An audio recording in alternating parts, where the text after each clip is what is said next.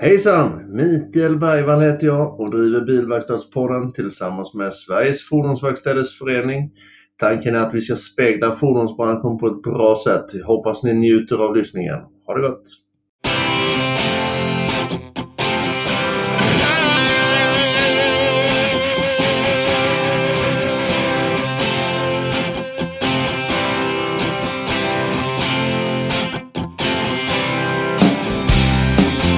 Dagens avsnittssponsor är ProMeister.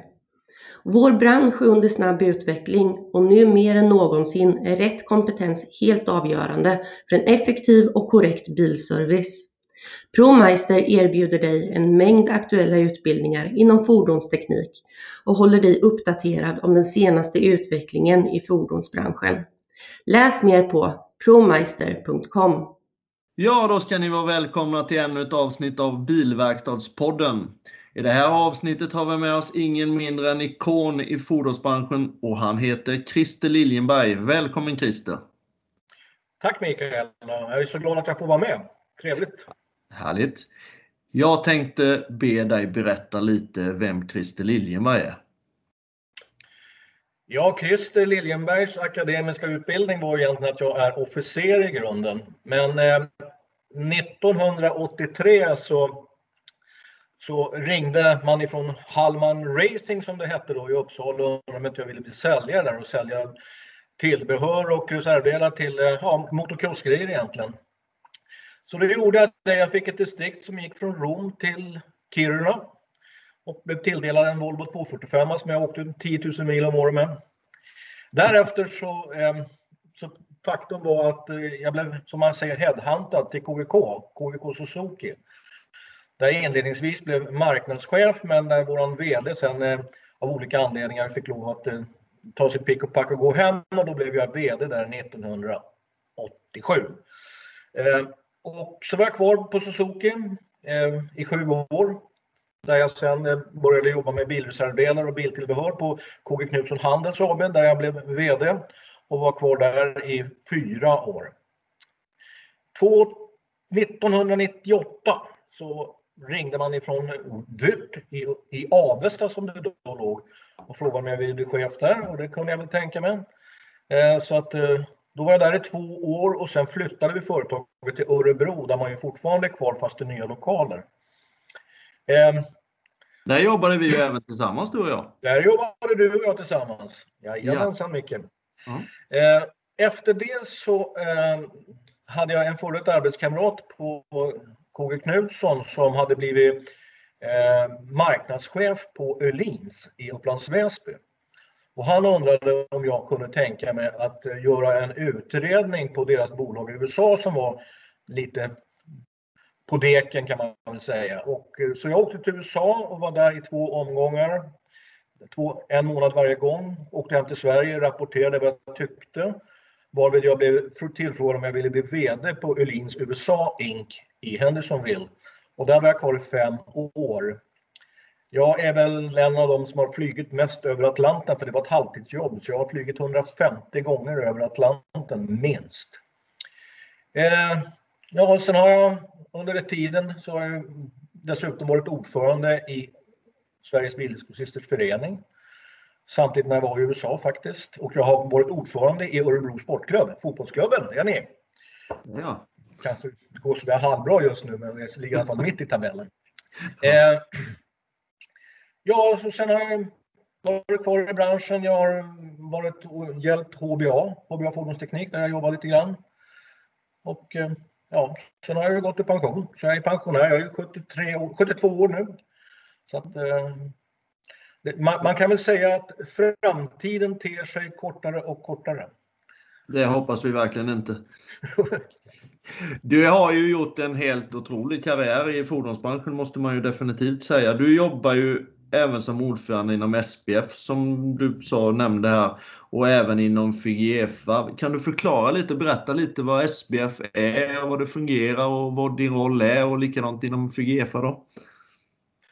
Ja, eftersom eh, SPF är ju egentligen en organisation, förening. Det, det är en in, intresseförening för eh, riksgrossisterna i Sverige som håller på med bilreservdelar och tillbehör.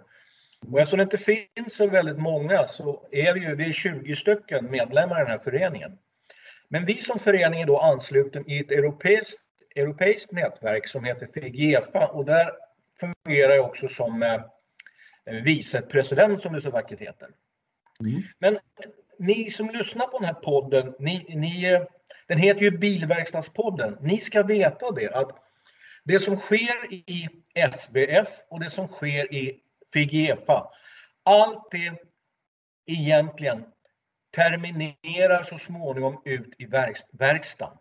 För vi jobbar ju i princip enbart för verkstaden. Därför att vi vill ju kunna behålla våra kunders kunder och att ni som är, har verkstad, att ni liksom har möjligheter att agera på en öppen marknad.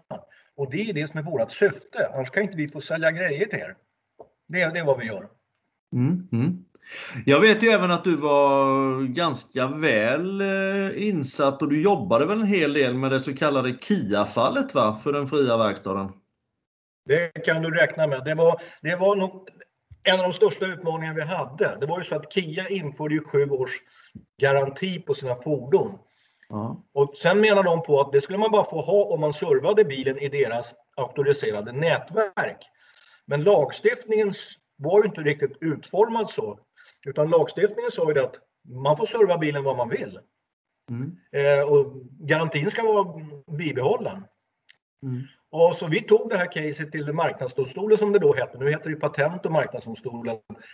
Men eh, vi anlitar ju en jätteduktig konkurrensjurist som heter Per Remnelid som nu sitter i Bryssel och hans killar på Vinge. Och motparten då, Kia, de använder ju Mannheimer och Svartling och det är de två dyraste byråerna som finns i det här landet. Men det slutade i alla fall med att eh, vi gick hem med segern, vilket innebär att ni som är bilverkstäder, ni kan serva vilken bil ni vill. Basta. Nu vet jag att det är lite trassel med, med Tesla och sådana där märken, men det kommer säkert att rätta till sig efterhand. Ja. Mm. Jag vet ju även att ni till stor del ligger bakom SFVF och du framförallt har väl jobbat väldigt mycket med att skapa den organisationen. Hur, på vilket sätt är det viktigt för bilverkstäderna att vara med i SFVF och varför ska de vara med i SFVF? Ja, det, det, är ju så att ju större en organisation är, ju fler medlemmar man har, desto, desto viktigare blir man. Och det är ju jätteviktiga tider just nu när vi bland annat håller på och jobbar för att få fram ett nytt så kallat gruppundantag. Och som man hör på ordet så ett gruppundantag, det är ett undantag. Men i det här undantaget så finns det många regler som gör att, att vi som är på fria sidan, vi kan få tillgång till teknisk information och eh, ja, delar som kanske inte finns på marknaden har vi rätt att köpa utav, utav, utav grossister, bil, bil, alltså bilgrossisterna och, och deras lager. Alltså det är jätteviktigt att vara med i SFVF och bakgrunden till SFVF det var ju det att vi som satt i styrelsen på SPF, vi tyckte inte att Motorbranschens riksförbund, alltså MRF, gjorde tillräckligt mycket för de fria verkstäderna. Så efter en del möten med MRF så beslutade SPFs styrelse att nej, nu banne men nu drar vi igång en egen förening, vilket vi då gjorde. Och så fick vi tag på Bosse Eriksson då, som, som råddar den här föreningen. Och det har ju gått ganska bra så här långt, men vi behöver, SFVF behöver ha flera medlemmar. Så du som lyssnar på det här och inte är medlem i SFVF, se till att bli det. Det är jätteviktigt att man är, eh, att man är ansluten. Annars åker man ju liksom frikälke på något sätt. Mm. Eh, alla måste vara med och bidra till eh, en sån här organisation därför att det är inte gratis att utföra lobbyarbete och kurser och allt sånt där. Så alla bidrag, alla måste bidra till det. Alla verkstäder. Ja, det handlar ju egentligen om den fria verkstadens uh, rätt att fortsätta leva egentligen. För jag menar, får man inte serva samtliga bilmärken så ligger man ju ganska risigt till. Ja, det är klart det är så, som du säger. Det, det, nu kommer i och för sig den här, de här traditionella bilarna som vi ser idag, alltså de, de består ju ändå fortfarande av eh, 95 av bilmarknaden. Mm. Så att de kommer ju överleva kanske 20, 30, 40 år till. Och, och framförallt i, i mindre orter, alltså de, de som har råd att köpa elbilar och sånt där, det, det är bara de som har antingen väldigt bra jobb där man kan få ut en tjänstebil. Men jag tror inte att någon i Norrland kommer särskilt mycket åka med elbilar. Det tror jag inte. Nej, nej. SFVF är ju även med och ligger bakom mycket och till stor del godkänd bilverkstad. På vilket sätt ställer du dig till godkänd bilverkstad? Är det ett måste för framtiden att ha godkända bilverkstäder? Ja, antingen så gör ju ni, SFVF, tillsammans med sina partners, i det här fallet är det MRF, MRF ja. se till att, att verkstäderna verkligen ansluter sig och blir medlemmar i, i GBV. Annars kommer ju staten att gå in här och lagstifta. Så är det ju. Det, ja. det, det är alternativet. Ja. Hur ser du på det? För målet är ju att samtliga, åtminstone kedjeanslutna verkstäder ska vara med och vara en godkänd bilverkstad 2020 slut. Alltså tror du vi klarar de här målen? Alltså det är ju kanske 540-550 verkstäder som nu är klara. Ja, alltså det är, det, det är ett måste. Därför annars, annars så säger jag det att de som inte är en godkänd bilverkstad, de kommer inte få fungera som bilverkstad om de inte är en godkänd bilverkstad. De kommer Nej. få slå igen portarna. Ja. Vad ser du som branschens eh, största utmaning för tillfället? Ja, alltså det, det, det är den här striden som hela tiden sker mellan jag kallar dem för bilsammansättare, många kallar dem för biltillverkare. Men det är ju de facto så att det är en som en som, säljer, en som tillproducerar bilar, de gör då banne inte särskilt många delar på en bil idag. De kanske pressar regnskyddet, alltså karossen.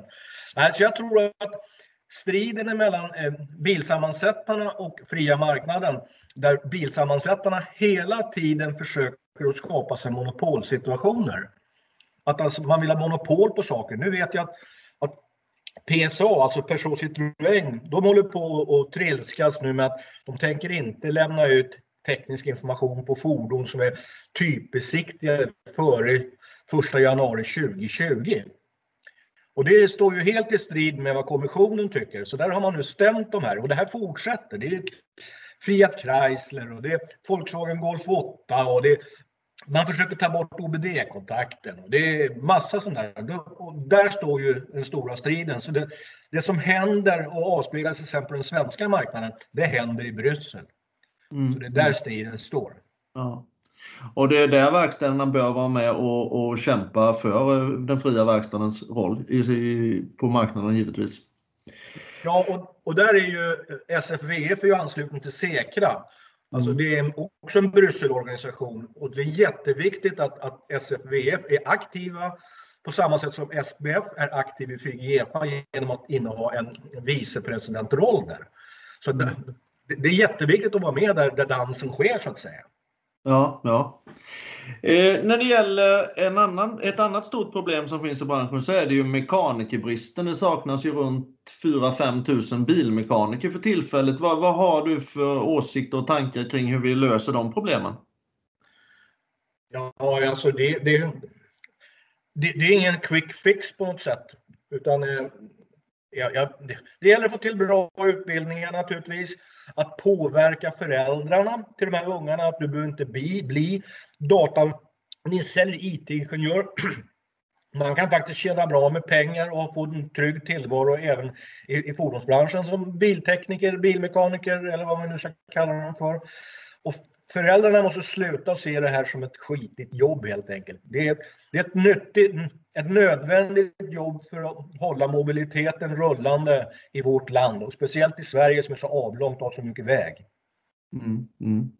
Samma sak gäller ju lärarna på fordonsgymnasierna. Du känner ju till eh, att vi ska köra, eller att jag ska köra den här däckskolan för samtliga fordonslärare i landet. Alltså, deras möjlighet att kunna vidareutbilda sig och fortbilda sig är ju inte så stor. Hur, hur ska vi göra liksom för att locka lär, fordonslärare? Hur ska vi få dit fordonslärarna?